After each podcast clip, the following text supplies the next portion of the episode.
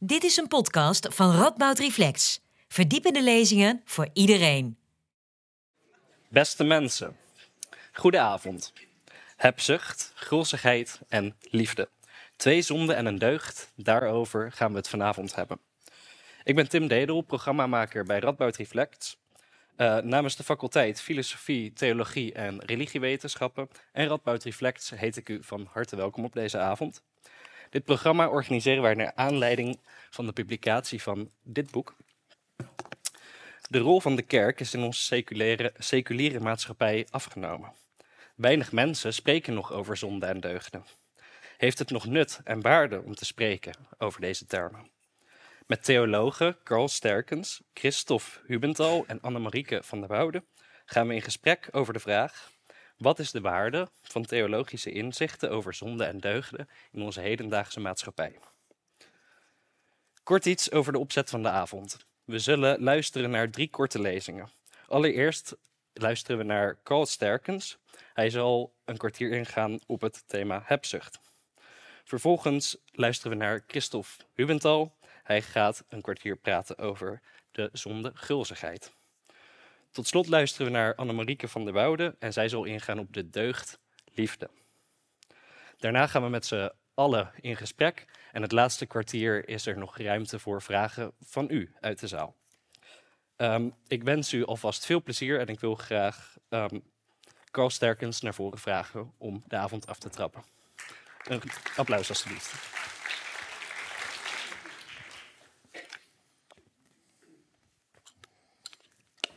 Oh, ik zet mijn leesbril op, want ik kan jullie toch niet zien.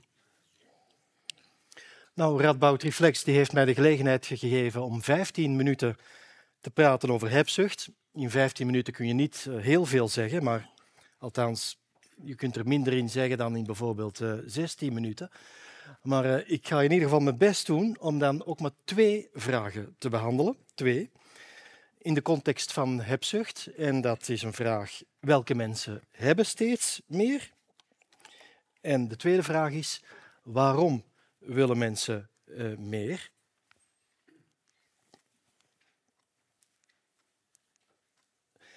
En het boekje dat jullie net al hebben gezien, dat heeft als cover zo het centrale oog van Jezus Christus uh, in een uh, tafelblad in het Prado, als jullie er ooit zijn geweest, van Jeroen Bos. Uh, de zeven hoofdzonden en de vier laatste dingen. En die Christus die kijkt er eigenlijk al vanuit dat oog een beetje op toe of iedereen dat wel doet. En zo wordt ieder van die hoofdzonden afgebeeld. En dit is de hebzucht. Nou, voor ik die twee vragen wil behandelen, uh, welke mensen hebben steeds meer en waarom willen jullie nu eigenlijk allemaal meer? Wil ik eerst kort in eenvoudige woorden vertellen wat uh, hebzucht eigenlijk is. En ieder van jullie die kent wel mensen waar dat veel ook niet genoeg voor is. En die inhalige mensen die willen meer dan anderen hebben, meestal, of ook meer dan ze al hadden. En meer dan anderen hebben en meer dan je al had, dat zijn twee verlangens die niet noodzakelijk samenvallen, maar ze sluiten elkaar natuurlijk ook niet uit. En in het eerste geval gaat de hebzucht gepaard met ongelijkheid, meer hebben dan andere mensen. En in het tweede geval gaat het samen met toenemende rijkdom. En ook ongelijkheid en rijkdom die vallen niet samen, maar je voelt natuurlijk op klompen aan dat ze ergens met elkaar te, te maken kunnen hebben. Want het is inderdaad wenselijk dat zoveel mogelijk mensen rijk zijn. En het is de uitdaging om dat zonder armen te realiseren. Maar de hebzucht, de avaritia, de cupiditati of de pleonexia in het Grieks, die staat dat ideaal in de weg. En daarmee is natuurlijk niet gezegd dat iedere vorm van rijkdom en iedere vorm van ongelijkheid het gevolg is van de hebzucht. Maar omgekeerd kun je wel redeneren. Aan de hebzucht zitten een aantal problematische aspecten. En die aspecten die maken ook precies die definitie van die hebzucht uit. Nou, een eerste aspect is dat de bezitsverwerving, wanneer je hebzuchtig bent, dat die niet redelijkerwijs in het teken van de eigen behoefte staat en het eigen welzijn, maar buitensporig en onverzadigbaar is. Die inhaligheid die berokkent bovendien andere mensen schade of de gehele samenleving schade. En tot slot plaatst de hebzucht het tijdelijke boven het eeuwige, het particuliere boven het omvattende, het oppervlakkigheid boven diepgang en het aardse boven het goddelijke, zoals je wil, het laatste symbool van het ultieme van de mens. Nou, en die drie kenmerken van mateloosheid, schadelijkheid en goddeloosheid, die maken hebzucht tot een zonde. Nu, in de loop van de geschiedenis is er natuurlijk die drie uh, aspecten hebben die heel wat variaties gekend, afhankelijk van de omstandigheden en de behoeften van de tijd. Maar daar wil ik het niet over hebben, want ik wil louter vanuit de huidige tijd kijken welke mensen hebben nu meer en waarom willen mensen meer. Het zal wel nooit eerlijk verdeeld zijn geweest in de wereld. Maar de huidige schaalgrootte van de economie die maakt, en de complexe productieketens en de toeleveranciers allerhande, die maken economisch onrecht wellicht omvangrijker, maar ook anoniemer dan ooit tevoren. En toch kunnen wij van dat onrecht veel voorbeelden geven. Het eten dat we consumeren, de kleren die we dragen, de technologie die we gebruiken, er zit overal wel een vlekje aan. Jullie kunnen het zelf invullen. En die voorbeelden van onrecht zijn vaak meeste te vinden wanneer je denkt dat je er zelf geen aandeel in hebt. En die omvang van, een, uh, van de structurele onrechtvaardigheid die lijkt het ook moeilijk te problematiseren te zijn vanuit de hupzicht, omdat wij meestal denken dat die ondeugd een individuele onhebbelijkheid is. Ongelijkheid en rijkdom die hebben slechts gedeeltelijk te maken met individuele kenmerken. Wie zou van de geglobaliseerde economie nu het meest profiteren? Wie zijn nu de winnaars en de verliezers van onze globale economie? Wie heeft, met andere woorden, steeds meer. Wie zijn de winnaars? Nou, om die vraag te beantwoorden heeft Milanovic in 2016 de inkomensdata van, 2008, van 1998 tot en met 2008 uh, bekeken om de impact van de snel groeiende globalisering in die periode, dat was de periode van de opkomst van het internet, van de mobiele telefonie enzovoort, van de controle van de arbeid op afstand, om die impact van de globalisering te controleren, heeft hij gekeken wat is er nu met onze inkomens wereldwijd gebeurd tijdens die twee periodes. En hij kijkt daarbij naar de relatieve en de absolute inkomensgroei van de wereldbevolking opgedeeld naar inkomenscategorieën. En dat resulteert twee eenvoudige tabellen. En die eerste eenvoudige tabel dat gaat over de relatieve inkomensgroei onder de wereldbevolking tussen 1998 en 2008. Opgedeeld naar de inkomenscategorieën zeg maar, over heel de wereld. Nou, wie zijn dan de winnaars en de verliezers? En laten we eens drie punten bekijken, A, B en C. Nou, de grootste relatieve inkomensgroei die is te vinden rond de mediaan van de wereldwijde inkomensdistributie. Punt A in de tabel die u voorziet bijna een derde van de wereldbevolking rond dat middeninkomen, dus ook als je naar links en naar rechts wat gaat in de tabel, die zag haar verdiensten in die 20 jaar ongeveer met 70% stijgen. Zij zijn duidelijk winnaars. Dat gaat met name over mensen in de middenklasse van de opkomende economieën zoals China, Taiwan, India, naast bijvoorbeeld Indonesië, Thailand en Vietnam. En in de steden verdubbelde of verdrievoudigde hun inkomen en op het platteland wel iets minder, maar toch altijd significant. De 30% armste van de wereld, helemaal links voor u in de tabel, die zijn er ook relatief op vooruit gegaan.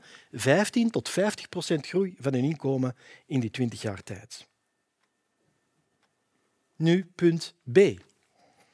Onder de hogere inkomens op de wereldschaal het tachtigste tot het negentigste percentiel, waarvoor geldt dat slechts één op de tien van de mensen in de wereld meer verdient, die zijn duidelijk niet de winnaars. Die groep die wordt gedomineerd door de op landelijk niveau lagere inkomensgroepen in de Verenigde Staten, Japan en West-Europa. naast inwoners van Centraal- en Oost-Europa die iets meer verdienen. Maar ook de betere middenklasse in Latijns-Amerika. Nou, de partijen, de populistische partijen uh, die die kiezers najagen, die zijn naar de relatieve inkomensgroei gekeken. Dus inderdaad geen winnaars van de globalisering. En de rijkste van de wereld tenslotte, uiterst rechts, die gingen er dan weer goed op vooruit. 25 procent voor de subtop en liefst 25 procent voor het hoogste percentiel.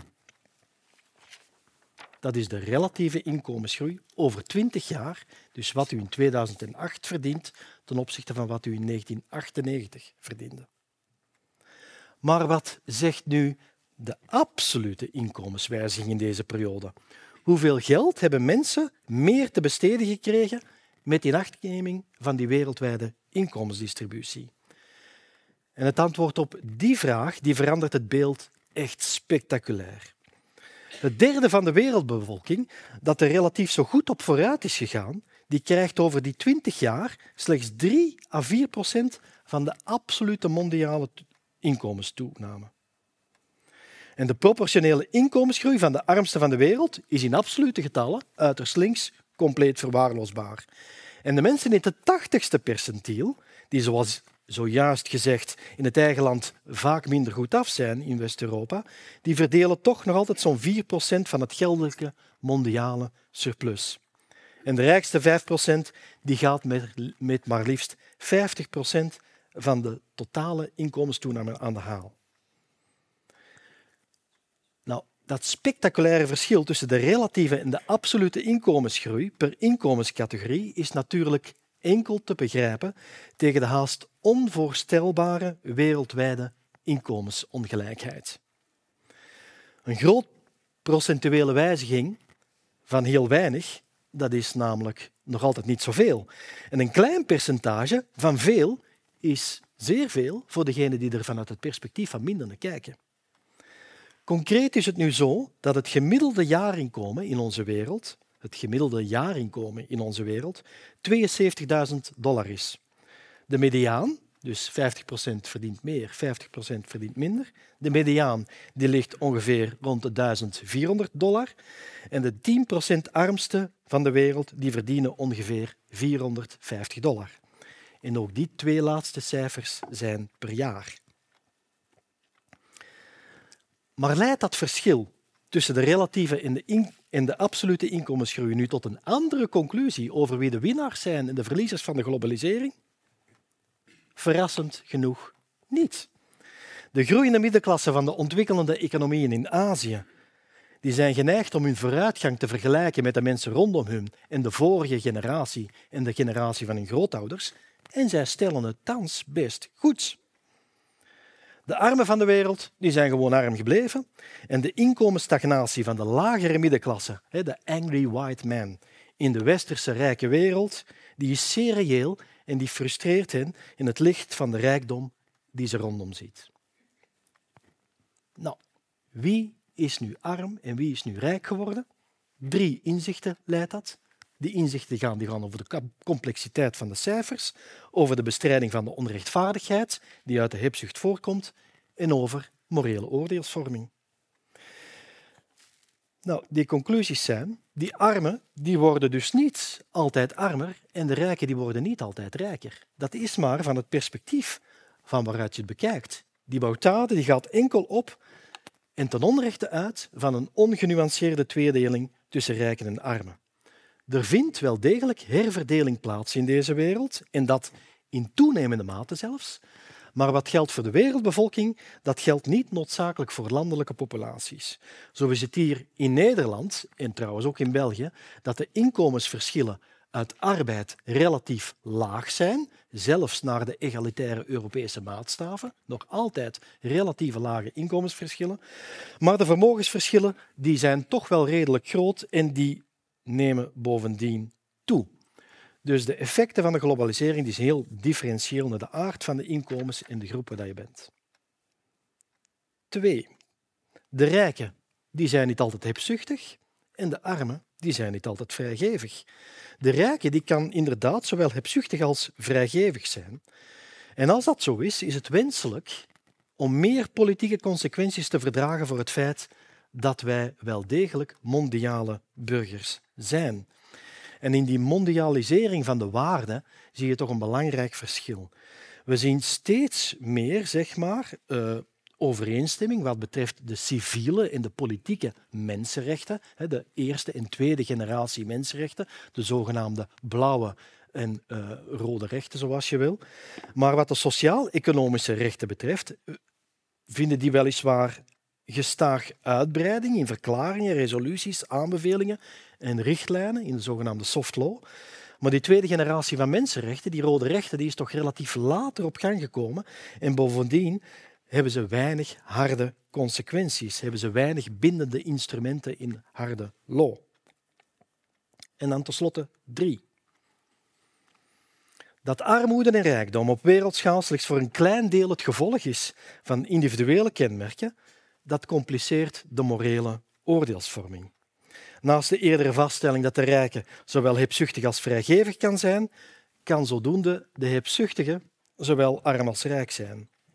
En daar heb je een belangrijk enigma in het kwaad. En dat enigma van het kwaad, een filosoof zoals Ricoeur zegt dat bijvoorbeeld, dat vertelt ons dat weliswaar het lijden van mensen, bijvoorbeeld door armoede, en schuld, bijvoorbeeld door zonde, wel degelijk met elkaar verbonden zijn, maar de wijze waarop, dat is niet altijd even doorgrondelijk. En die ondoorgrondelijkheid die ontslaat ons niet van de verantwoordelijkheid om onrechtvaardigheid te bestuderen en te bestrijden, uiteraard, maar verwacht niet altijd een glashelder beeld. En in het gat van die aporie, dat onoplosbare kluwen, die onoverzichtigheid, in dat enigma springt vaak religie. Zal God het dan ooit onthullen? Of wij wel voldoende onbaatzuchtig zijn en vrijgevig zijn? Of is het laatste oordeel een metafoor geworden in onze rationele tijd voor het menselijk onvermogen om het oordeel te vellen of wij eigenlijk in de huidige omstandigheden wel het goede doen? Dat wij dat oordeel niet kunnen vellen, niet over onszelf laat staan over anderen.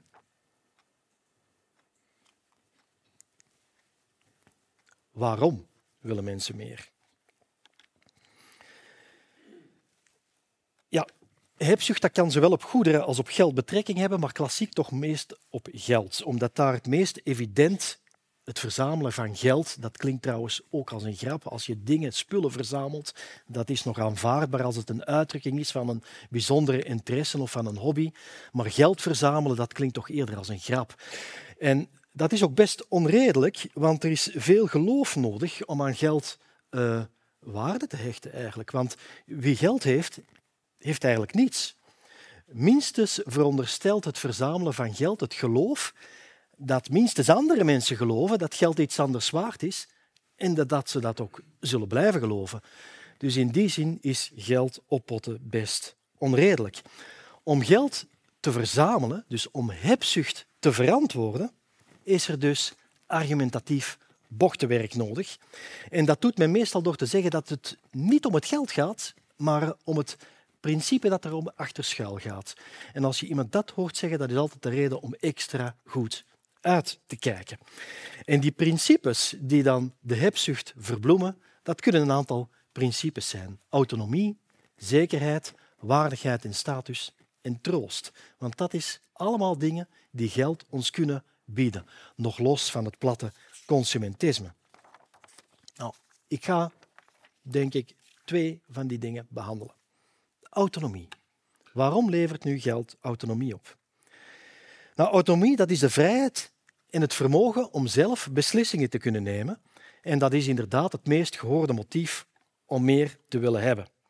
En empirische studies die tonen inderdaad aan dat grotere autonomie gepaard gaat met meer welzijn en dat rijkdom een indirecte invloed heeft op welzijn via zijn effect op autonomie. Geld brengt met andere woorden autonomie dat tot geluk leidt, maar geld maakt niet direct gelukkig. Gebrek eraan maakt echter wel ongelukkig. Nou, in die mate dat de autonomie met het oog op welzijn de drijfveer is voor verrijking, voldoet het toch niet aan die criteria van hebzucht die ik net heb genoemd. Geld ten behoeve van autonomie, dat kan zelfs overkomen als schrander doordacht, terwijl dat geld om slechts te hebben schandelijk verdacht blijft. En nu zou men tegendraads kunnen beweren, is het nu niet zo dat autonomie ook het resultaat kan zijn van onthechting, omdat een eenvoudige levensstijl, indien je die vrij kiest, ook een bron van kracht is in het leven. Maar de voorwaarde van de vrije keuze in de verlossing door eenvoud, die verraadt al de zwakke plek van armoede. Want als je namelijk in het leven van je lot een keuze moet maken, dan is die keuze niet erg overtuigend. Dat geldt, denk ik, voor de celibatair met een heel laag seksappeal. Het geldt ook, denk ik, voor een mens zonder mening die gehoorzaamheid belooft. En ik denk dat het ook geldt voor de derde religieuze gelofte, namelijk die van armoede. Slechts onder de voorwaarden van de vrijwilligheid levert armoede de vrijheid en de geloofwaardigheid op om anderen tot dienst en inspiratie te zijn. Onthechting kan wel alleen als er iets is om zich van te onthechten. En dat maakt het voor de rijken paradoxaal genoeg beter mogelijk, maar moeilijker om onthecht te zijn dan voor de armen. Marcus, hoofdstuk 10. Bezit is met andere woorden stellig een heel ambigu en tweesnijdend zwaard in verhouding tot persoonlijke autonomie. Maar het fundamentele weerwoord van het religieuze taalspel dat gaat er echter niet om of autonomie door overschot of door eenvoud wordt bereikt, maar wel over de mate waarin menselijke autonomie sowieso kan worden gerealiseerd. En die kwestie die houdt verband met de meest basale vorm van religiositeit, namelijk het geloof dat er iets is dat buiten onszelf staat, dat ons overstijgt en dat zelfs groter is als het universum, dat laatste al dan niet als schepping beleeft. De decentrering van de mens, het klein maken van de mens, het aan de rand plaatsen van de mens, die leidt minstens tot een zekere problematisering van zijn autonomie. Kunnen wij onszelf wel de wetten stellen? Auto, nomos. In welke omstandigheden mag de menselijke wil wet zijn en is de menselijke wil vrij? En in de christelijke theologie bestaan er eigenlijk geen uh, eenduidige antwoorden op die vragen. Sterker nog, het is altijd een twistpunt geweest hoe dat die vragen moeten worden beantwoord. Bijvoorbeeld tussen Luther en Erasmus over de verhouding tussen genade en vrije wil, het theoretische kernthema van de Reformatie. En zo zijn over de band van God steeds opnieuw compromissen gezocht tussen absolute autonomie en gehele heteronomie om de menselijke geldingsdrang draaglijk te houden voor elkaar en voor de samenleving. Autonomie is een reden om geld te verzamelen, maar ze wordt gerelativeerd door christelijk gedachtegoed. Tweede, zekerheid. Ik ga er niet diep op in, want zekerheid dat is eigenlijk een vorm van welzijn waarborgen voor de toekomst. En welzijn waarborgen voor de toekomst, dat kan een andere drijfveer zijn voor vermeerdering van bezit. Bezit dat kan functioneren als een onderpand voor onafhankelijkheid en veiligheid. En daarmee is het motief van zekerheid voor de toekomst eigenlijk een toekomstgerichte variant van autonomie in zekere zin. Het is de onzekerheid over de toekomstige autonomie die ons doet sparen en de angst voor het verlies ervan die ons doet oppotten. Maar maak je niet bezorgd over de dag van morgen, want de dag van morgen die zal zich wel bezorgd maken over zichzelf. Matthäus. En zo is er een hele rijke schat aan allerlei evangelische teksten, maar ook theologische gedachten die eigenlijk die zekerheid en die behoefte aan zekerheid proberen weg te nemen en geloof, hoop en vertrouwen in de toekomst als kern van het geloof presenteert. En dan waardigheid en status. Dat is een derde cluster van motieven om meer te willen hebben. Waardigheid, dat is de onvervreembaarheid van de menselijk handelingsvermogen en de soevereiniteit van de mens. En ook het recht om rechtvaardig en respectvol te worden behandeld. En in de preambule van de Universele Verklaring van de Rechten van de Mens en ook in de Verklaring van de Godsdienstvrijheid van Vaticanum II, Dignitatis Humani, wordt die waardigheid zeer sterk en uitgebreid beschreven, maar eigenlijk nooit erg operationeel gedefinieerd. Niet heel precies bepaald. Uh, men heeft het dan over de intrinsieke en de onvervreemdbare waardigheid van de menselijke persoon. U kent die ziensnede misschien wel. Nu, de waardigheid, wanneer dat mensen niet in primaire behoeften kunnen voorzien, zoals onderdak en eten en voedsel en gezondheidszorg, dan is de gebrek aan respect voor waardigheid natuurlijk evident.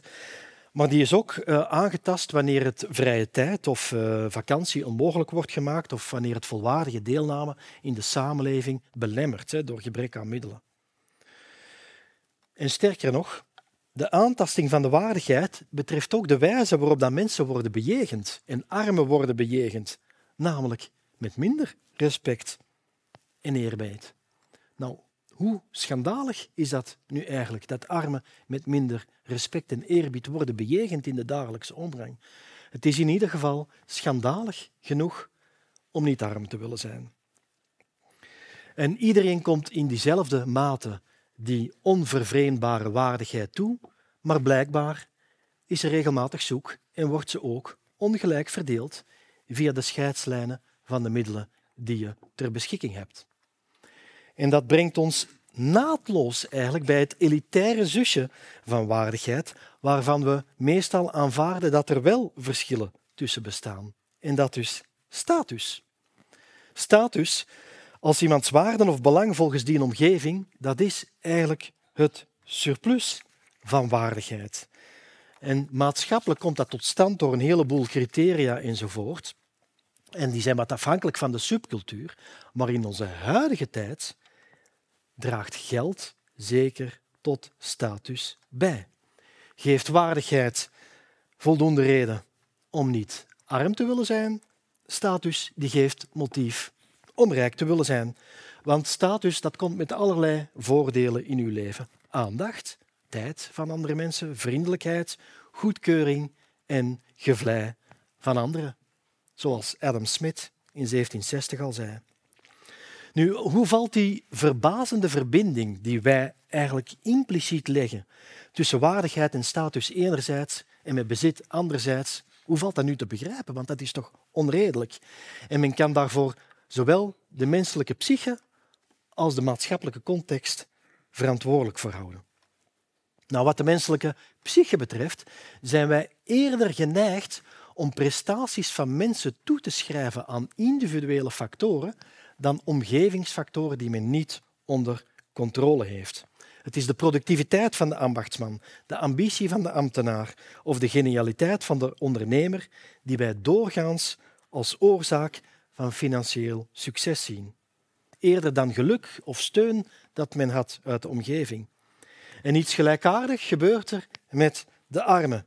Daar zijn het de negatieve kenmerken van de armen in plaats van de eerdere toevallige en structurele aspecten die de boventoon voeren, met alle gevolgen van dien van onze attitudes tegenover armoede. En vervolgens versterkt de huidige maatschappelijke context deze eenzijdige en vaak foutieve interpretaties. Wij leven nu eenmaal in een meritocratische samenleving waar wij denken dat de positie van iemand afhankelijk is van de persoonlijke prestaties en talenten. En die meritocratische samenleving die heeft natuurlijk veel verdiensten. Die heeft de sociale mobiliteit mogelijk gemaakt en wellicht ook bevorderd, maar ze loopt het risico dat ze minstens op individueel niveau gepaard gaat met een grotere hardvochtigheid ten opzichte van diegenen die geen sociale vooruitgang boeken. In een aristocratische of een oligarchische samenleving, waarin de heerschappij wordt bepaald door afkomst of toebehoren tot een bevoorrechte klasse, is persoonlijke sympathie met misdeelden niet meer dan een fatsoensnorm, noblesse oblige. Maar dit is anders in een meritocratie. Het zal wel aan die mensen hun schuld zijn. Nu, dat verklaart dus de bescherming van waardigheid en statusverwerving door rijkdom, die wordt gerealiseerd door foutieve attributies en door de ongerealiseerde droombeelden van het maatschappelijke model, die verklaren waarom status en waardigheid in de praktijk te maken hebben met geld en dat ondanks het poëtisch onderscheid tussen hebben en zijn van het Hoornink in dat mooie gedicht, waar de ene werkelijkheid is en de andere schijn. En ondanks Erich Froms problematisering van foutieve attributies met behulp van de christelijke traditie. En ook in teksten, zoals het loflied van Maria, het Magnificat, Lucas. Machtige haalt hij omlaag van hun troon, eenvoudige brengt hij tot aanzien. En op andere plaatsen heet het dat de laatste de eerste zullen zijn en de eerste de laatste, waarbij de laatste de laagste en de armste zijn, omdat de context van die lezing valt over rijkdom en geld en bezit. Dat is de context van dat adagium. En het gaat er natuurlijk niet over competitie of uh, procrastinatie of zo. Het gaat uh, niet over dat de laatsten in de wedstrijd de eerste zullen zijn. Dus zo bekeken is eigenlijk de ontkoppeling van waardigheid en status enerzijds en bezit anderzijds een goddelijke opdracht. Heb ik nog tijd eigenlijk? Oh, ik heb nog tijd. Nou, dan ga ik het ook hebben over troost.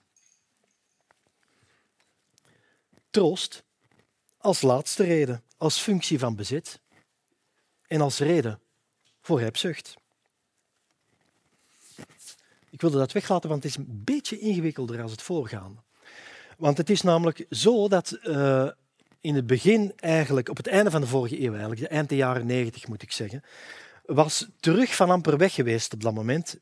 Kwamen terug de economische benaderingen van religie, die werden plots terug heel uh, populair. En uh, met de toepassing van de toen al veel oudere zogenaamde rational choice theorie, uh, zei men, we gaan die rational choice theorie nu eens toepassen op het religieuze domein. En kort en daarom niet helemaal goed, kwam het er eigenlijk op neer dat men zei, omdat bepaalde verlangens zoals onsterfelijkheid of volmaakt geluk of complete levensvervulling, omdat die eigenlijk onrealiseerbaar zijn, bestaat de aantrekkelijkheid van geloven daarin dat ze daarvoor toegankelijke en krachtige alternatieven presenteert. Zo compenseren geloofsovertuigingen, bijvoorbeeld over het hiernamaals, de onmogelijke vervulling van uh, diepe menselijke verlangens, zoals in dit geval bijvoorbeeld onsterfelijkheid. Of ze bieden troost, ook religie, voor meer banale materiële en immateriële tekorten.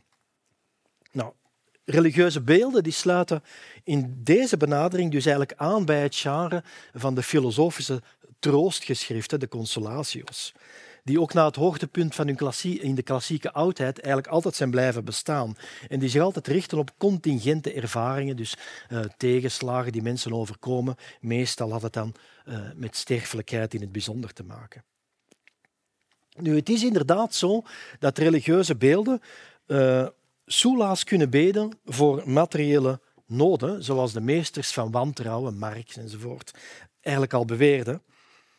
Maar omgekeerd kan je eigenlijk ook redeneren. Want iets bezitten, dat kan de pijn namelijk verzachten voor iets wat anderszins ontbreekt. Geld kan namelijk mensen troosten wanneer andere zaken die er meer toe doen, ontbreken inzicht, tevredenheid, wijsheid, waardering of uh, idealen om voor te leven.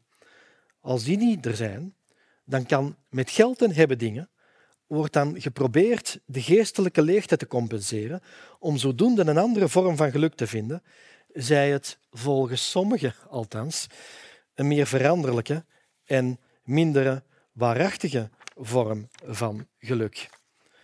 Het is dan niet de rijkdom van de rijken die te beklagen valt, maar wel dat er troost in wordt gevonden in de rijkdom. Catechismus, nummer 2574. Zie ook Lucas hoofdstuk 6, vers 24. De Heer klaagt over de rijken, omdat zij troost vinden in de overvloed van hun bezittingen. En niet omdat ze rijk zijn. Ik kom tot een besluit, want nu is er wel de tijd op. Van meet af aan heeft het christendom eigenlijk gewaarschuwd tegen inhaligheid. En de evangelisten leggen meermaals het in de mond van Jezus. Pas op, pas op, hoed je voor iedere vorm van hebzucht. Want ook al heeft een mens nog zoveel, zijn leven bezit hij of zij niet.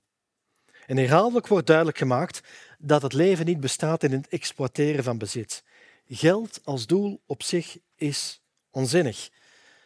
Maar waar geld alleen belangrijk voor financiële redenen, er zou geen hebzucht zijn. Dat is een moeilijke zin. Dat heeft natuurlijk geen toelichting nodig in geval van plat consumentisme, maar het wordt ook duidelijk in immateriële motieven die wij hebben voor bezitsverwerving. Autonomie, zekerheid, waardigheid en status en troost. Net zoals de hebzucht kennen al die motieven eigenlijk geen eindpunt. Wie is ooit autonoom, zeker en waardig genoeg? En wie wordt er voldoende gecompenseerd voor zijn of haar tekorten? Nou, tegen die achtergrond is het van onschatbare waarde dat religie in woord en daad af en toe een bescheiden bijdrage levert aan de inperking van onze dwingende zucht naar hebben, die volgens sommige mensen dominant is ten opzichte van vrijgevigheid. En die inzichten, beste mensen, die zijn overal vrij verkrijgbaar. Dus daarvoor hoeft u het niet te laten.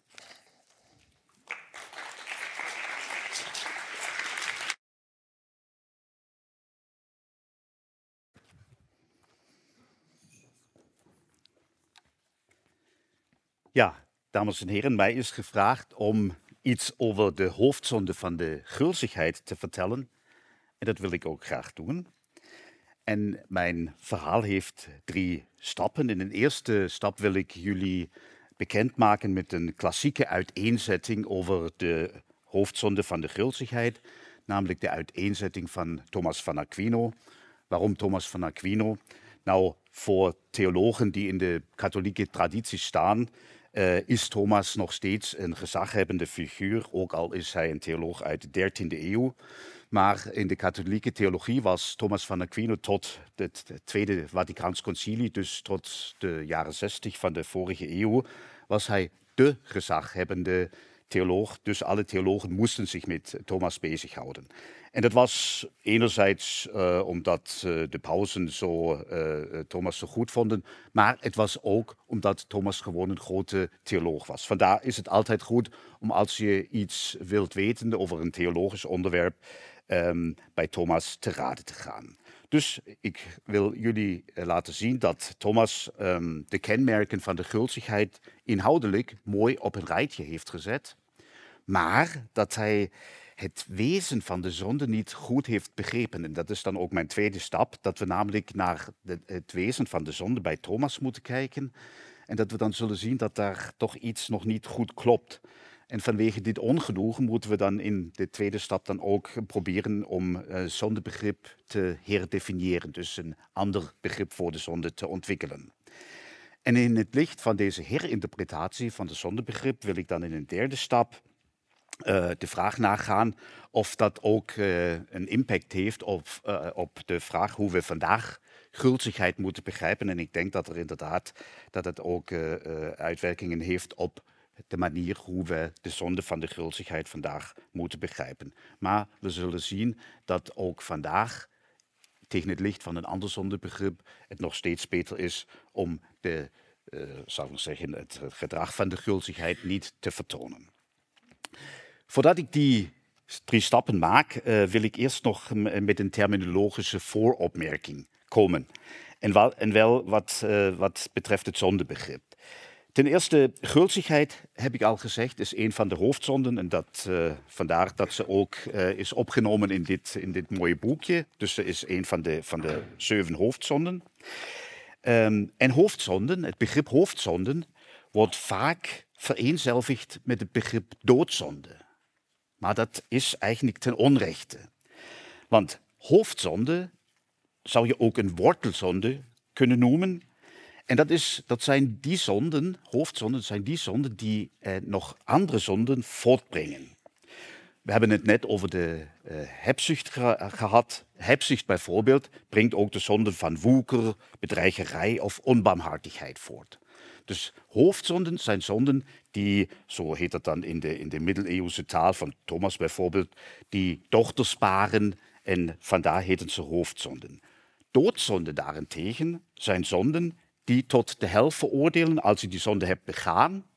En als je uh, in, in dit leven, uh, die zonde is niet, niet vergeven in de biecht natuurlijk, in het boetesacrament. Als je dus doodgaat en die zonde hebt begaan en ze is niet vergeven, dan ga je meteen naar de hel. Zo, dat is de klassieke leer. En, uh, maar dat hoeft niet noodzakelijk een, hoofdzonde te zijn. Daartegen tegen de de doodzonden, daartegenover staan dan de dagelijkse zonden of de pekelzonden. En dat zijn die zonden die niet noodzakelijk zo'n zware straf uh, naar zich trekken als je, als je doodgaat. En de gulzigheid, waarover wij het vandaag willen hebben, dat is een, niet noodzakelijk. Het kan een doodzonde zijn, maar is het niet noodzakelijk. En dat zullen we straks zien. Ik leg dat nog even weg. Um, Thomas over de gulzigheid. Ten eerste is Thomas natuurlijk ook uh, een, een, een slimme denker. En hij weet dat eten en drinken noodzakelijk zijn voor het menselijke zelfbehoud. En het menselijke zelfbehoud is voor Thomas belangrijk, omdat je alleen maar als je, je goed in het leven zit, ook naar God kunt streven. En dat is natuurlijk waarom wij hier op, op aarde zijn. We moeten naar God streven. En daartoe is het noodzakelijk dat we onszelf behouden. Vandaar zegt Thomas dan ook dat de mens een natuurlijk verlangen naar eten en drinken heeft. Want dat is de voorwaarde om jezelf te behouden. Dat is wederom de voorwaarde om naar God te kunnen streven. Natuurlijk verlangen naar voedsel. En dat is goed. Dat is goed dat we dat hebben, volgens Thomas. Maar, nu komt het probleem. Het verstand kan dit verlangen, dit natuurlijke verlangen naar eten en drinken, verkeerd inschatten of verkeerd beoordelen. En dat is op tweeërlei manier mogelijk. En Thomas spreekt hier van een ongeordend verlangen. Dus dat betekent dat het verstand heeft een verkeerde blik, heeft een verkeerde zicht op dat verlangen. En dat kan enerzijds zijn dat het verstand de, laten we zeggen, verkeerd beoordeelt uh, de proporties of de maat wat met voedsel samenhangt. Bijvoorbeeld is het voor Thomas duidelijk dat een, het voedsel een juiste prijs moet he hebben. En als je nu van voedsel geniet wat te duur is, dan is dat niet goed en dan is sprake van gulzigheid. Thomas is van mening dat voedsel op de juiste manier moet toebereid zijn. En als het te luxueus is klaargemaakt, dan is dat ook niet goed. Dan heeft het verstand dat verkeerd beoordeeld. Juist de hoeveelheid, is waar we, waaraan we normaal gesproken denken als we het over, uh, over de gulzigheid hebben. De hoeveelheid, juist de hoeveelheid, maar, maar het verstand beoordeelt beoordeelt het verkeerd. En vandaar dat we te veel voedsel genieten. Een ander punt die Thomas noemt is de juiste tijd. Thomas was een Dominicaan. In de, uh, in de, in de, in de uh, waren altijd etenstijden. En als je daarvoor al iets wilde eten, dan was dat ook niet goed. Dus dan is dat ook een, uh, een ongeordend verlangen, volgens Thomas. En het laatste punt, wat Thomas ook nog noemt, is dat je het voedsel te gretig verslindt. Dus als het te gretig wordt verslonden, is dat ook niet de juiste manier om te eten. Vandaar dat Thomas deze, deze uh, uh, punten op, op een rijtje zet en zegt: het gaat altijd dat ons verstand het maat of de proporties die om met het voedsel van doen hebben, dat die dat verkeerd beoordeelt. En dat, is, dat moeten we niet doen. Dus we moeten niet te duur, te luxueus klaargemaakt eten, te veel of uh, uh, voor de juiste tijd of te gretig verslinden. Dat moeten we niet doen, want dat is, dat is zondig. Dus daar heeft het verstand verkeerd beoordeeld de proporties omtrent het eten. Maar dat is volgens Thomas niet zo erg, want hier gaat het alleen maar om de middelen. want je streeft nog steeds naar het goede doel, je wilt, je streeft naar God.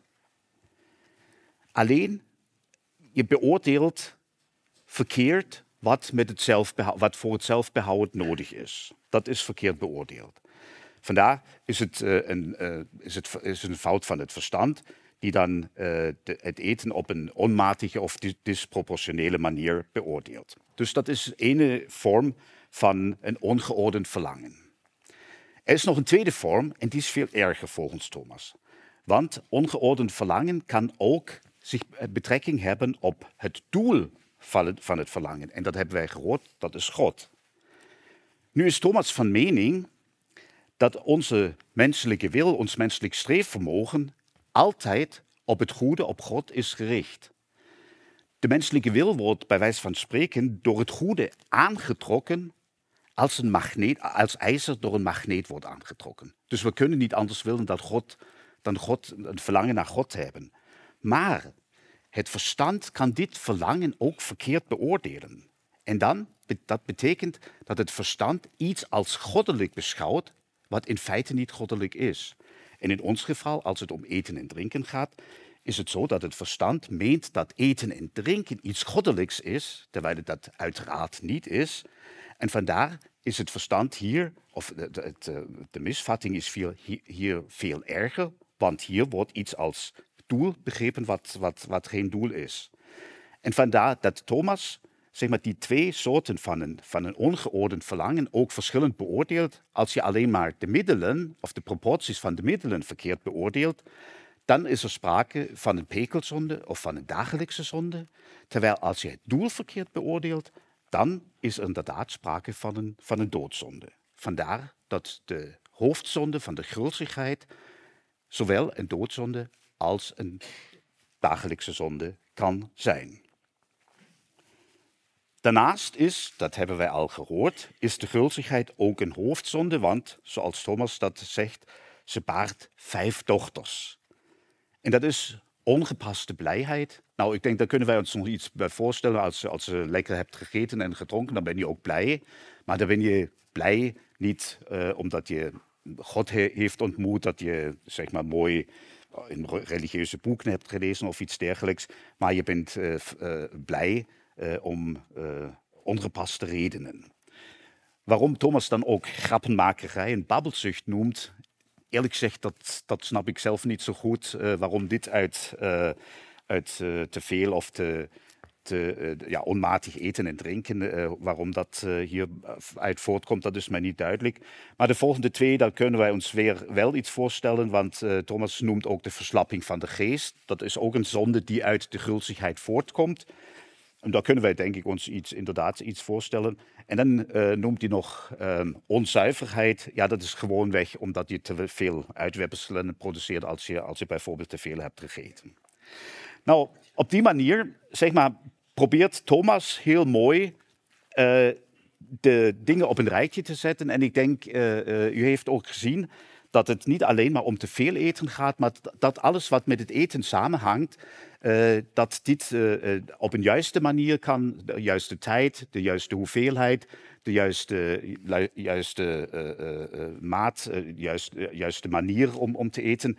En als je, als je daarvan afwijkt, dan is er sprake van een zonde. En de, de, de doodzonde is dan uiteraard als je eten en drinken zelf vergoddelijk. Dat mag je natuurlijk niet doen.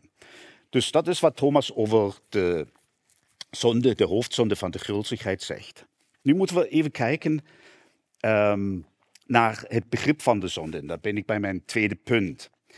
En dat is, jullie hebben gemerkt dat ik altijd een beetje geworsteld heb, want uh, ik heb altijd het over het verstand, de beoordeling van het verstand uh, gehad. En dat is inderdaad zo dat voor Thomas het eigenlijk uh, zo is dat het verstand zich vergist met betrekking tot de middelen of het doel. Het is altijd een beoordeling door, door het intellect, door het verstand, door de reden. Dus zouden we ons kunnen afvragen, is voor Thomas dan de zonde slechts een intellectuele misvatting? Zondigen we volgens Thomas gewoon omdat we het niet beter weten? En hier, denk ik, krijgen we toch twijfels, want als het om zonde gaat, dan gaat het toch niet om een verkeerde manier van denken, maar gaat het om een verkeerde manier van willen. Dat we op een verkeerde manier willen.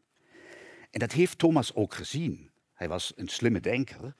Maar in het kader van zijn metafysica, dat kan ik hier niet uiteenzetten, maar in het kader van zijn metafysica en van zijn globale opvatting over de verhouding tussen mens en God, eh, kon hij eigenlijk niet goed denken dat, dat de wil iets verkeerds wil. Want ik heb het al gezegd, De wil wordt altijd door het goede, door God, aangetrokken als ijzer door een magneet. Dus dat, dat, de wil kan eigenlijk niet verkeerd willen. Dus dat, het verkeerde moet volgens Thomas dan inderdaad in het verstand liggen. En vandaar dat zijn heel verhaal uiteindelijk ook daarop neerkomt dat het een misvatting van het verstand is, de zonde. En volgens ons, of ja, ik kan me voorstellen dat de meesten van u ook een onbehagen hebben om het, om het zo, zo, zo te vatten. Nu moet ik een verhaal vertellen, val ik, val ik altijd met studenten mee lastig in, het verhaal van, van Kierkegaard, want Kierkegaard laat het precies zien waar het probleem ligt. Kierkegaard vertelt in zijn boek De zonde tot, tot de dood, vertelt hij een mooi verhaal. Daar zegt hij, stellen we ons voor, er is een man en die ontmoet God. En God biedt hem eeuwige vriendschap aan. En die man heeft het volstrekt door wat daarmee bedoeld is. Wat dat betekent. Je zult altijd gelukkig zijn. Nooit meer onbehagen of uh, iets, iets anders, iets negatiefs voelen. Het is het volkomen goed wat je hier wordt aangeboden. De man heeft het volstrekt door. En toch, zegt Kierkegaard, is hij in staat om dit te weigeren, dit aanbod. En dat is de top van de zonde. Dat is de top van de zonde. Die vrijheid hebben wij, zegt Kierkegaard. En ik uh, ben geneigd om hem te geloven. We zijn vrij om het goede af te wijzen. Vandaar dat we dan ook uh, moeten zeggen dat de zonde eigenlijk begrepen kan worden, misschien gedefinieerd kan worden, om willens en wetens. Willens en wetens tegen het goede ingaan. En wat we uit het verhaal van Kierkegaard ook leren, is dat hoe duidelijker de goedheid van het goede beseft wordt, des te zwaarder weegt, de zonde. Als we volstrekt weten, dat is het goede. En we zeggen nee, we willen het niet. Vandaar dat we een ander uh, verhaal over de zonde krijgen. Daarmee kom ik tot mijn derde punt, namelijk de vraag of we in het licht van deze, van deze nieuwe uh, zondebegrip willens en wetens tegen het goede ingaan. Of dat uitwerkingen heeft op hoe we de zonde van de, uh, de hoofdzonde van de gulzigheid moeten begrijpen. Ten eerste is het voordeel van deze, of sommigen beschouwen het als een voordeel, ik als theoloog misschien niet, maar sommigen doen dat wel. Het voordeel van dit eh, zondebegrip dat die ook van theologische connotaties kan worden ontheven. Die het bij Thomas zeker heeft en ook bij Kierkegaard nog heeft, want zonde was altijd voor, voor deze denkers zonde ten overstaan van God. Maar zonde betekent nu gewoon willens en wetens tegen het goede ingaan. Nou, als God niet meer het, het ultieme goed is, dan uh, hangt alles ervan af wat wij nu als het goede beschouwen. En ik denk dat we hier twee mogelijkheden hebben om over het goede na te denken. De eerste mogelijkheid is uh, gewoon wat, wat goed voor jezelf is. Dat zou je het existentiële goede. En als, je goed, als, als u weet wat goed voor u is, en u, u handelt daar willens en wetens dat tegenin, dan dan is dat een soort van zonde. Dat verzondig je aan jezelf. En de tweede manier hoe we het goede zouden kunnen bepalen, is dat wat goed voor anderen is, in idealiter zou je hier kunnen zeggen wat goed voor iedereen is, inclusief jezelf. En hier zou je dan van het morele goede kunnen spreken. Dus in existentiële zin, om dat te herhalen, zou je de zonde omschrijven als willens en wetens ingaan tegen datgene wat goed is voor jezelf. Of je zou kunnen zeggen, willens en wetens jezelf schade berokkenen. En in morele zin is de zonde dan willens en wetens ingaan tegen datgene wat goed voor iedereen is. Willens en wetens anderen schade berokkenen. En in beide gevallen geldt, wat we van Kierkegaard hebben geleerd, hoe preciezer je weet wat het goede is, des te zwaarder weegt de zonde. Nou, tegen deze achtergrond kunnen wij nu de zonde van de gulzigheid opvatten als iedere omgang met levensmiddelen waardoor we onszelf en of anderen willens en wetens schade toebrengen. Iedere, iedere omgang met levensmiddelen waardoor we schade berokkenen. Existentiële zin zou je bijvoorbeeld, en ik denk sommigen van u zullen dat herkennen, als we weten dat we niet te veel, moeten eten. Dat we niet te vet of te zoet of te goedkoop moeten eten. En toch doen we het vaak. Sommigen van, van, van ons doen dat vaak. Willens, we weten eigenlijk dat we dat niet zouden moeten doen, maar we doen het toch. Dus dat is een zonde van de gulzigheid in de existentiële vorm. En in de morele vorm zou je kunnen zeggen, is gulzigheid uh, als we kennis, mogelijkerwijs zelfs zekere kennis hebben, van bepaalde, dat bepaalde vormen van voedsel slecht, bijvoorbeeld voor het dierwelzijn zijn, bijvoorbeeld slecht voor rechtvaardige handelsbetrekkingen zijn, bijvoorbeeld slecht voor het klimaat of voor het milieu zijn. Denkt u aan, aan, aan vlees, bijvoorbeeld de productie van vlees, slecht voor het klimaat. En als we ondanks deze kennis deze levensmiddelen in grote mate nuttigen. En hetzelfde geldt dan ook als we levensmiddelen laten bederven of als we voedsel verspillen. Dus dat valt alles onder de zonde van de gulzigheid. Een interessant punt of een opvallend punt is dat hieronder dan misschien ook zelfs het geval zou kunnen vallen dat we te weinig eten. Alhoewel we weten dat we eigenlijk uh, voldoende moeten eten, dat we te weinig eten. Om aan een bepaald schoonheidsideaal te gehoorzamen of waarom dan ook. Uh, ook dat valt dan onder de gulzigheid. Dat wordt zeg maar, door de klassieke begrip van de gulzigheid misschien niet, niet, helemaal gedekt, maar ik zou het toch onder deze, nieuw, ook onder deze nieuwe definitie laten vallen. Dan de laatste vraag eigenlijk. Is de gulzigheid dan nog steeds een hoofdzonde? En ik denk, ik denk ja, dat ze ook zeg maar, het verkeerde omgang met levensmiddelen dan ook iets is wat, wat uh, verdere zonden eh, met zich meebrengt en voortbrengt. Ongepaste blijheid, een verslapping van de geest, uh, wat Thomas al noemde, dat zou je ook vandaag nog kunnen noemen. Maar misschien brengt het ook zeg maar, de, de gulzigheid, ook luiheid, speel, speelzucht of onverschilligheid voort als, als uh, verdere zonden.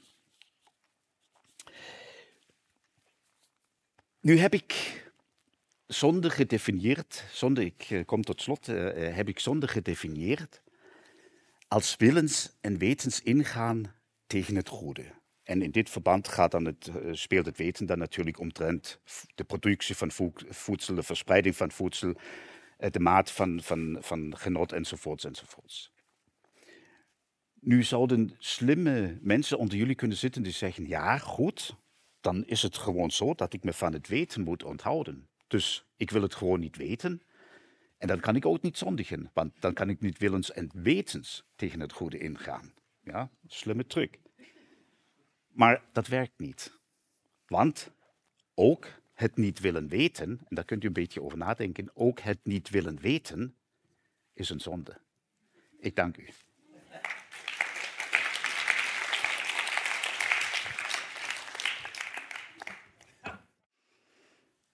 Dames en heren, ik vermoed dat ik ben ingehuurd om deze avond nog van enig niveau, enige diepgang te voorzien. Na zoveel platvloersheid, hebzucht, gulzigheid, heeft Radboud Reflex waarschijnlijk gedacht: hoe kunnen we dit programma deze avond nog in majeur besluiten? Zodat het publiek met opgeheven hoofd de zaal verlaten kan omdat het met ons mensen toch nog wel mee blijkt te vallen. Het is een verantwoordelijkheid die zwaar op mijn schouders rust. Dat zult u begrijpen. Over de deugd van de liefde.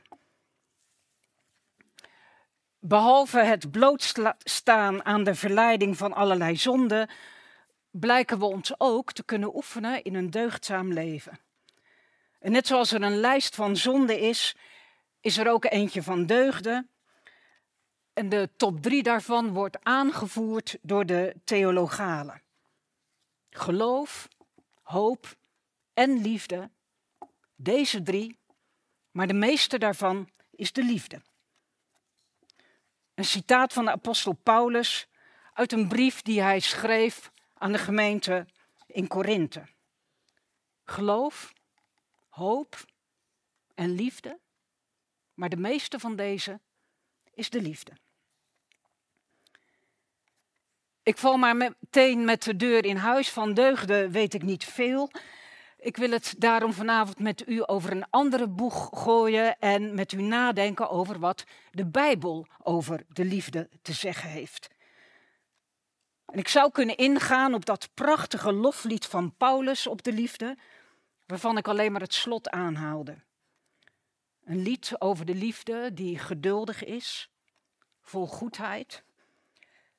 De liefde die geen afgunst kent, geen ijdel vertoon. Over de liefde die niet grof is, niet zelfzuchtig.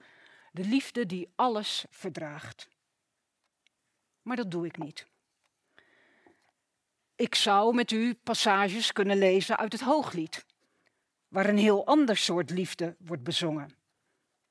Niet de agape, zoals bij Paulus, de vriendschappelijke liefde, maar de eros, de zinnelijke liefde. Hooglied, een Bijbelboek vol liefdespoëzie. Nou, vooruit. Eén enkele passage uit het Hooglied dan. In een prachtige hertaling van Judith Hertzberg. Het is een gevoel dat inslaat als een flits. Een brand vlamt door je heen en er is geen rivier, geen water in de wereld dat zulke vlammen blust. Houd me dicht tegen je aan, als een band om je arm, als een hanger op je hart. Want sterk als de dood is de liefde. De Bijbel en de liefde dus. Een bekend Bijbels vers luidt: Heb je naaste lief als jezelf? Laat ik beginnen met het ophelderen van een misverstand. Het misverstand namelijk dat heb je naaste lief als jezelf, dat dat een vers is dat uit het Nieuwe Testament zou komen. Ik citeer in dit verband uit een commentaar van rabbijn Jonathan Sacks. Begin van het citaat.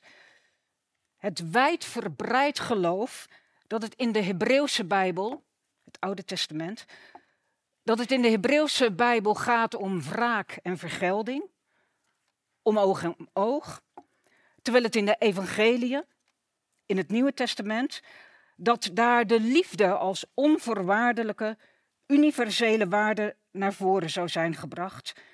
Dat, zegt Jonathan Sacks, Hebreeuwse Bijbel, Oude Testament, wraak, vergelding, Nieuwe Testament, Evangelie, de liefde, dat moet gezien worden als een van de grootste misverstanden in de hele westerse geschiedenis. Einde citaat Robijn Jonathan Sacks. Die oproep om je naaste lief te hebben als jezelf, die klinkt namelijk al in het Oude Testament en wel in het Bijbelboek Leviticus. Lucas, Nieuwe Testament, heeft vervolgens die uitspraak opgenomen in zijn verhaal over Jezus. Ik vertel daar zo dadelijk meer over. Oké, misverstand uit de wereld geholpen. Blijkbaar is de oproep om je naaste lief te hebben als jezelf een rode draad in de hele Bijbelse boodschap. Daarmee is nog niet duidelijk wat dat dan betekent. Heb je naaste lief als jezelf? Als jezelf. Heb je naaste lief als jezelf? Dat vers wordt wel zo uitgelegd als dat je van je naaste moet houden zoals je van jezelf houdt. Heb je naast lief als jezelf van je naaste houden zoals je van jezelf houdt. Dat wordt, op die manier wordt dat vers wel uitgelegd. En er wordt dan bij gezegd, je kunt pas van je naaste houden als je ook van jezelf houdt. Het roept bij mij een, die uitleg roept bij mij een associatie op uit de tijd van voor de vliegschaamte. Dat je als passagier aan het begin van een vlucht een instructiefilmpje te zien krijgt waarin je wordt uitgelegd dat je bij een eventuele ramp eerst zelf je zuurstofmasker moet opzetten voordat je je buurvrouw of buurman gaat helpen. Dat je zou worden opgeroepen om van je naaste te houden zoals je van jezelf houdt. Dat je pas van je naaste kunt houden als je van jezelf houdt. Dat lijkt mij een tamelijk moderne opvatting die niet strookt met het Bijbelse mensbeeld. Want bijbels gesproken is het ik niet zoiets als een centrum. De mens wordt in die geschriften, in de Bijbelse geschriften, gezien als een compositum. Een compositie, samengesteld uit verschillende delen. En de grens tussen mij en die ander, die grens is fluïde. Het plaatsen van de liefde voor het ik naast die van de liefde voor een ander, dat is een hedendaagse scheiding die we zo in de Bijbel niet tegenkomen. Dat Bijbelse mensbeeld is anders. Daarom, wat mij betreft, een andere en meer overtuigende uitleg van wat die oproep uit Leviticus zou kunnen betekenen. Misschien moet je dat vers wel zo verstaan. Heb je naaste lief? Want die is zoals jij.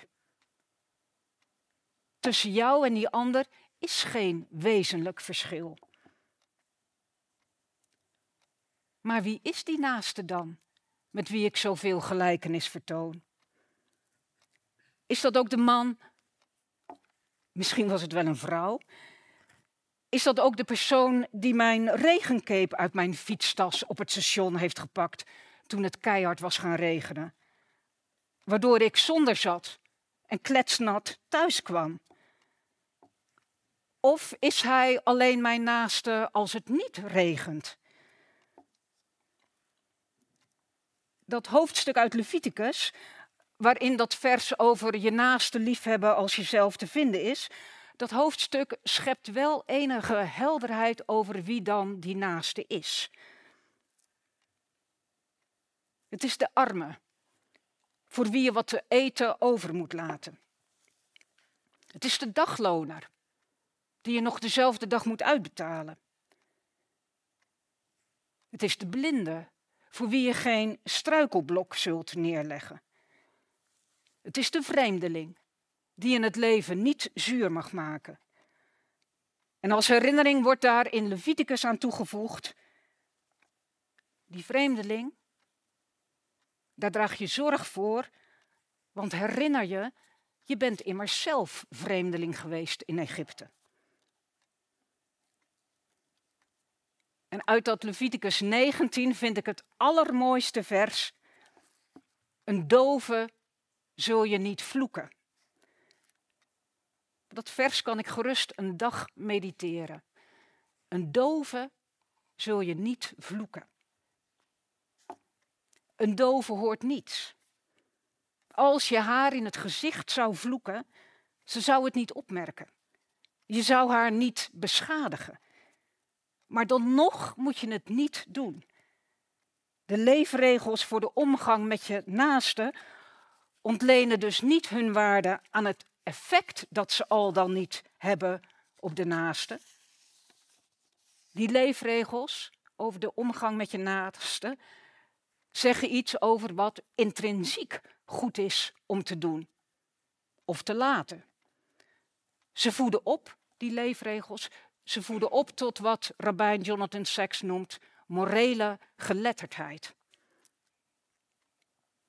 Het Nieuwe Testament, Lucas, citeert in zijn verhaal over Jezus, het verhaal van de barmhartige Samaritaan, voor een heel aantal van u vermoed ik wel bekend.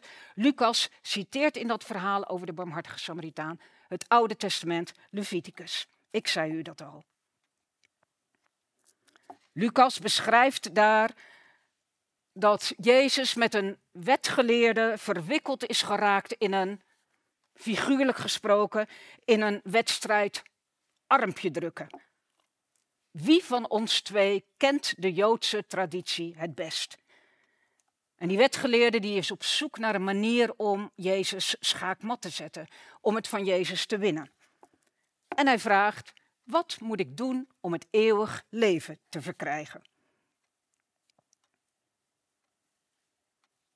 Jezus antwoordt: wat staat er in de Bijbel?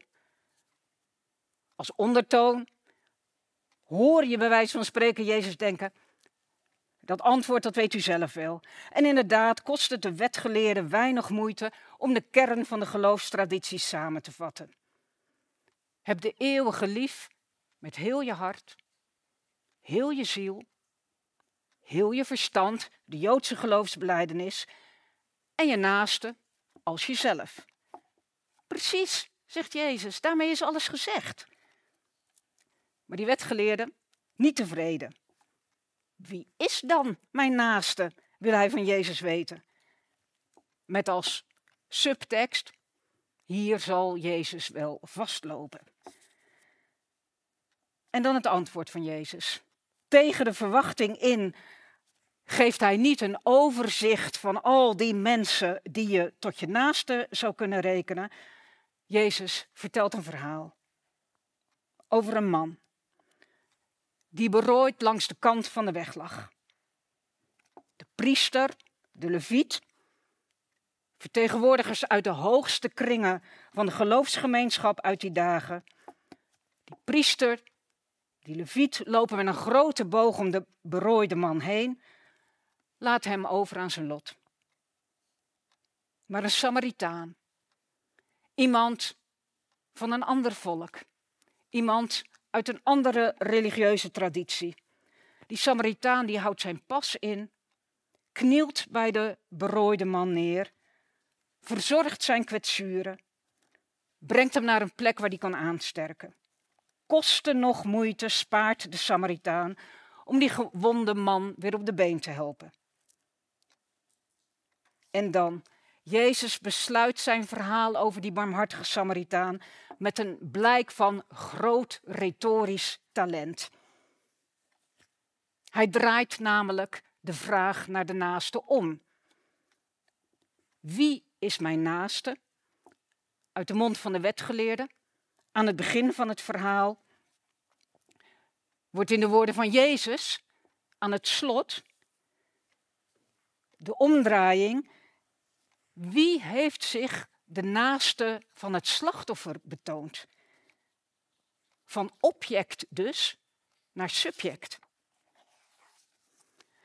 En die wetgeleerde die begrijpt onmiddellijk wat Jezus bedoelt, geeft dan ook het correcte antwoord. De naaste, in het verhaal over de barmhartige Samaritaan, de naaste, zegt de wetgeleerde, dat was de passant die het slachtoffer barmhartigheid bewezen heeft. Precies, zegt Jezus, ga heen, doe even zo. Met andere woorden, ik som je niet alle mogelijke naasten op, zegt Jezus. Dat is niet wat ik doe. Maar ik vraag je om zelf een naaste te zijn. Barmhartigheid te tonen aan je medemens. de naaste. In de opvatting van Jezus. Niet degene wiens naam, als die geluk heeft, niet degene wiens naam voorkomt op een lijst van object van zorg. Jezus bevredigt niet de behoeften van de calculerende burger die wil weten voor wie die wel en misschien wel vooral voor wie die niet hoeft te zorgen. Nee, dat is niet wat Jezus doet. Hij gaat van object naar subject. Jezus nodigt uit tot zelfreflectie. Ben ik een naaste voor mijn omgeving? Liefde. Een deugd. En een deugd verwerf je niet gemakkelijk. Het vraagt oefening om je leven in te richten naar de deugd van de liefde. Zoals het ook training vergt om een naaste te zijn voor de mensen om je heen. Tot slot, nog even over mijn regencape. Dat zit me hoog, dat merkt u. Dat komt omdat ik een autoloos bestaan leid. De fiets is mijn enige vervoermiddel. En met Jezus' omdraaiing in mijn achterhoofd is dus niet de vraag: is degene die mijn fietstassen heeft leeggehaald, is dat mijn naaste? Nee, de Bijbelse vraag is: betoon ik mij een naaste voor de persoon die er met mijn regencape vandoor is gegaan? Dat is een moeilijke vraag. Vooralsnog moet ik u het antwoord daarop schuldig blijven. Dank u wel.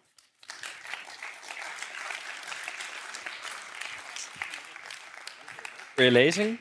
Ga lekker zitten. Uh, Christophe en Carl, komen jullie ook zitten? Jullie ook uh, bedankt voor jullie lezing. Um, we zijn enigszins over de tijd, dus ik ga meteen uh, met een vraag beginnen. Um, hoe komt het eigenlijk dat we tegenwoordig niet zoveel meer spreken over deugden en zonden in het algemeen taalgebruik?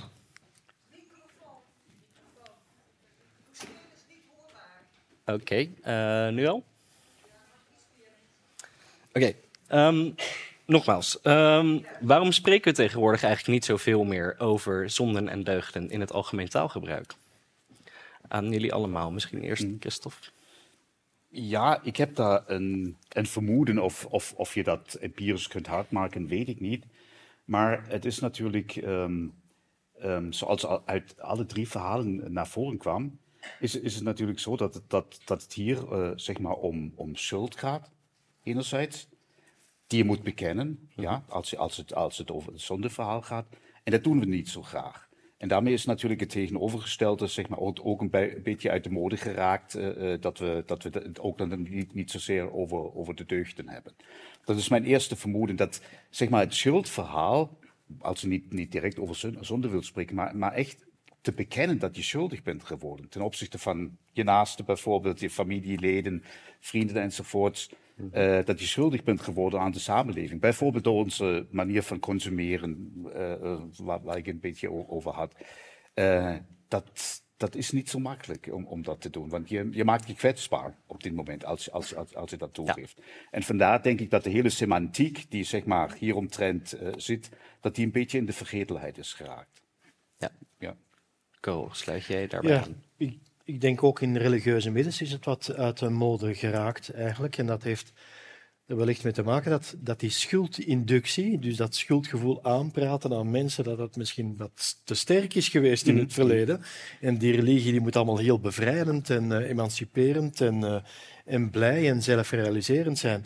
Dus dit, dat morele appel en het feit dat er fouten, erkenning van fouten bij past, ja, dat, dat is een beetje een natuurlijke slingerbeweging ook wel, denk ik. Ja, het is misschien ook wel eens een keer wat te veel geweest.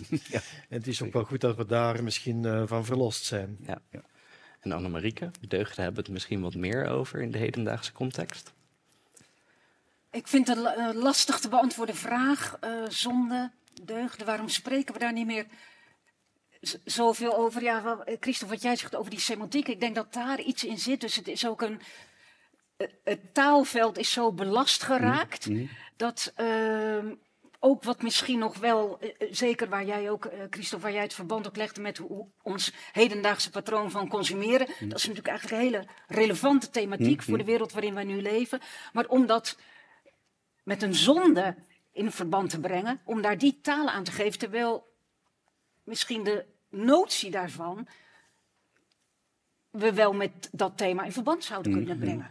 Ja, Ja, Misschien met- is het wel zonde als Ja. je vijf keer per jaar wil Ja. vliegen. Ik zeg maar wat. Ja. Ik, denk, ik, ik denk wel, eh, Tim, dat het ook met dat religieuze taalspel te maken heeft. Dus enerzijds een tegenbeweging en anderzijds dat derde kenmerk van de zonde, namelijk de goddeloosheid. Ja, dat past gewoon natuurlijk niet meer in het seculiere bestaan. Nee.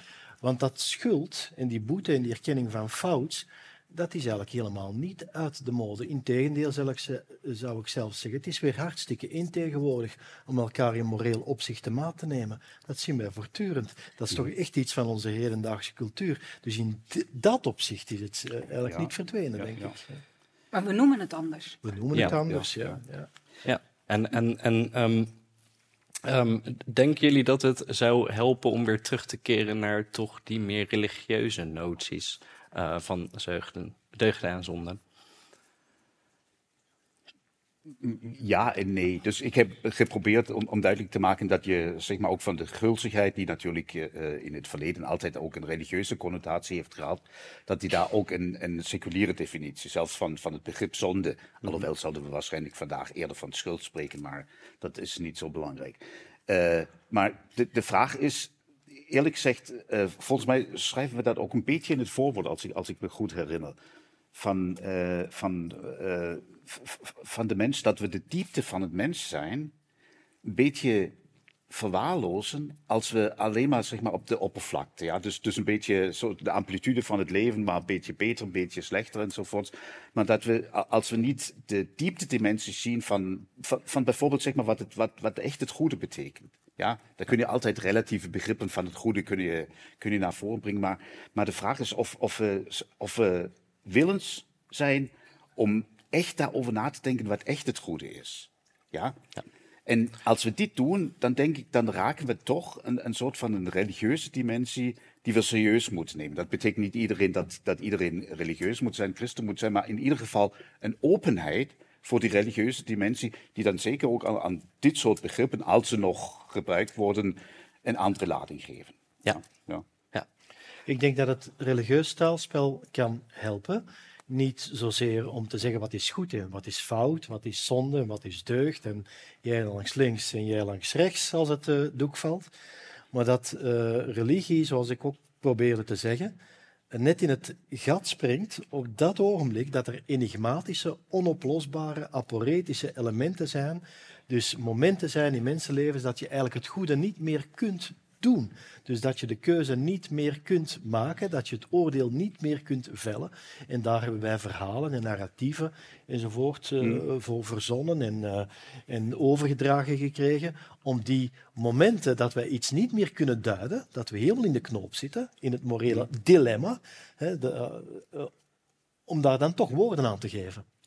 En dus niet zozeer van wat is goed en wat is kwaad, maar als we het goede niet meer kunnen doen, als we er zijn aan overgeleverd, ja, hoe kunnen we dan toch van die ellende zin maken of van die, al die tegenstrijdigheden? Misschien een kleine aanvulling nog. Ik, ik denk dat is, dat is een belangrijke gedachte, een, een kleine aanvulling. Misschien kan die religieuze dimensie ook ons laten zien dat we uiteindelijk niet verantwoordelijk voor zijn om het totale goede, het ultieme goede voor mm. elkaar te krijgen. Ja. Dat dit, als, als het mogelijk is, als, als het ooit mogelijk is, altijd als een geschenk, of theologisch gesproken als een genade moet worden beschouwd. Dus het heeft ook een ontlastende functie. Ja, een ontlastende functie. Een ontlastende functie ten opzichte van het, van het morele. We zijn wel verplicht om dat te doen wat onze plicht is, heel Kantiaans gesproken.